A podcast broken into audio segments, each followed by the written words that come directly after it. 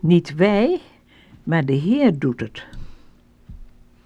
Het is de Heer die ons met de volledige overgave wil helpen. De Heilige Geest zegt ons dat wij het bij Hem kunnen brengen.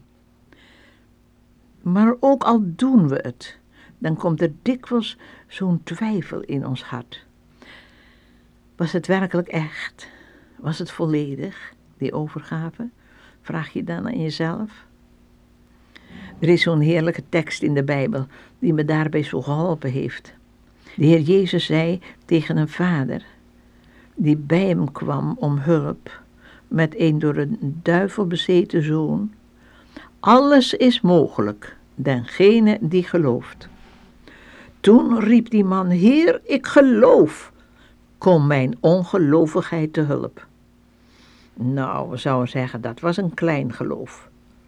Maar intussen triomfeerde het maar over de duivel en de boze demon was uitgeworpen. Als u en ik nu komen en zeggen: Heer, ik wijd mijzelf in volkomen overgave aan u, dan mag het misschien gezegd zijn met een bevend hart. Het kan zijn dat je niets voelt van kracht, van zekerheid. Maar het zal gelukken. Wees me niet bang. Kom zoals je bent en de kracht van de Heilige Geest gaat in je werken. Ik moet ineens denken aan de Heer Jezus in Gethsemane. De Heilige Geest gaf hem kracht zich volkomen over te geven. Maar wat een nood, een angst kwam er over hem. Als er nou bij u zwakte en beven is, vertrouw maar op het werk van Gods Geest in u en geef u over. En vertrouw dan dat God u aanneemt. Kijk nu naar Hem Soms zijn we zo bezig met onszelf, maar we moeten met God bezig zijn. Zeg maar gerust, Heer, ik begrijp het niet helemaal. Maar ik neem uw voorwaarden aan dat ik mij volkomen moet en mag overgeven. En dan gaat u mij zegenen en tot een zegen maken.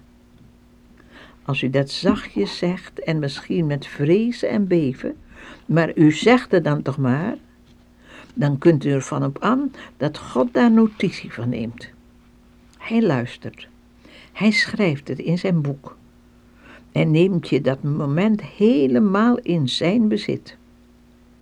U voelt het misschien niet, u realiseert het nog niet, maar u hoort nou helemaal van hem. Het is zo heerlijk dat we zo van alles met hem bespreken kunnen. Vertel het hem maar. Vertel het hem maar allemaal, als er twijfel, als er niet begrijpen is of wat dan ook. U hoort van Hem. En u niet alleen maar spreken tot Hem, maar luisteren naar Zijn stem. Dat oude verhaaltje van het verloren brosje heeft me zo geholpen. Iemand verloor een kostbaar brosje toen ze in een theater was geweest. Ze zag dat ze het miste toen ze thuis kwam. De volgende dag vroeg belde zij de conciërge van het theater op en vroeg of hij een brosje had gevonden. Nee, zei de man, maar uh, waar hebt u gezeten? Ik zal eens kijken of het misschien nog onder uw stoel ligt. Ik zat op de vijfde rij op de tweede stoel.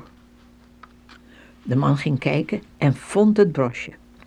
Hij ging naar de telefoon en zei: Ja, wat fijn, ik vond uw brosje. Hallo? Hallo?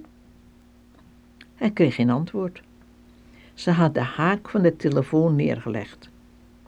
Ze heeft nooit geweten dat haar brosje gevonden was. De Heilige Geest leert ons veel van den Heer te verwachten. Luister naar den Heer. Hoorde niet meteen zijn stem, den wacht geduldig. Ook het wachten op den Heer is een zegen. Hij is een goede herder en een goede herder spreekt tot zijn schapen. Niet meteen de haak neerleggen. Hij heeft u lief en verlangt u een heleboel te zeggen. Heer Jezus, ik dank u dat u zoveel van ons houdt. Vergeef ons dat we soms zo weinig rust en geduld hebben naar u te luisteren. Dank u dat u het alles wilt doen wat wij niet kunnen. Maak het ons maar duidelijk dat alles over het hoe en waarom van de volledige overgave, hoe dat allemaal moet. Dank u Dat we weten dat als we ons aan u geven, u ons aanneemt. Halleluja, wat een heiland.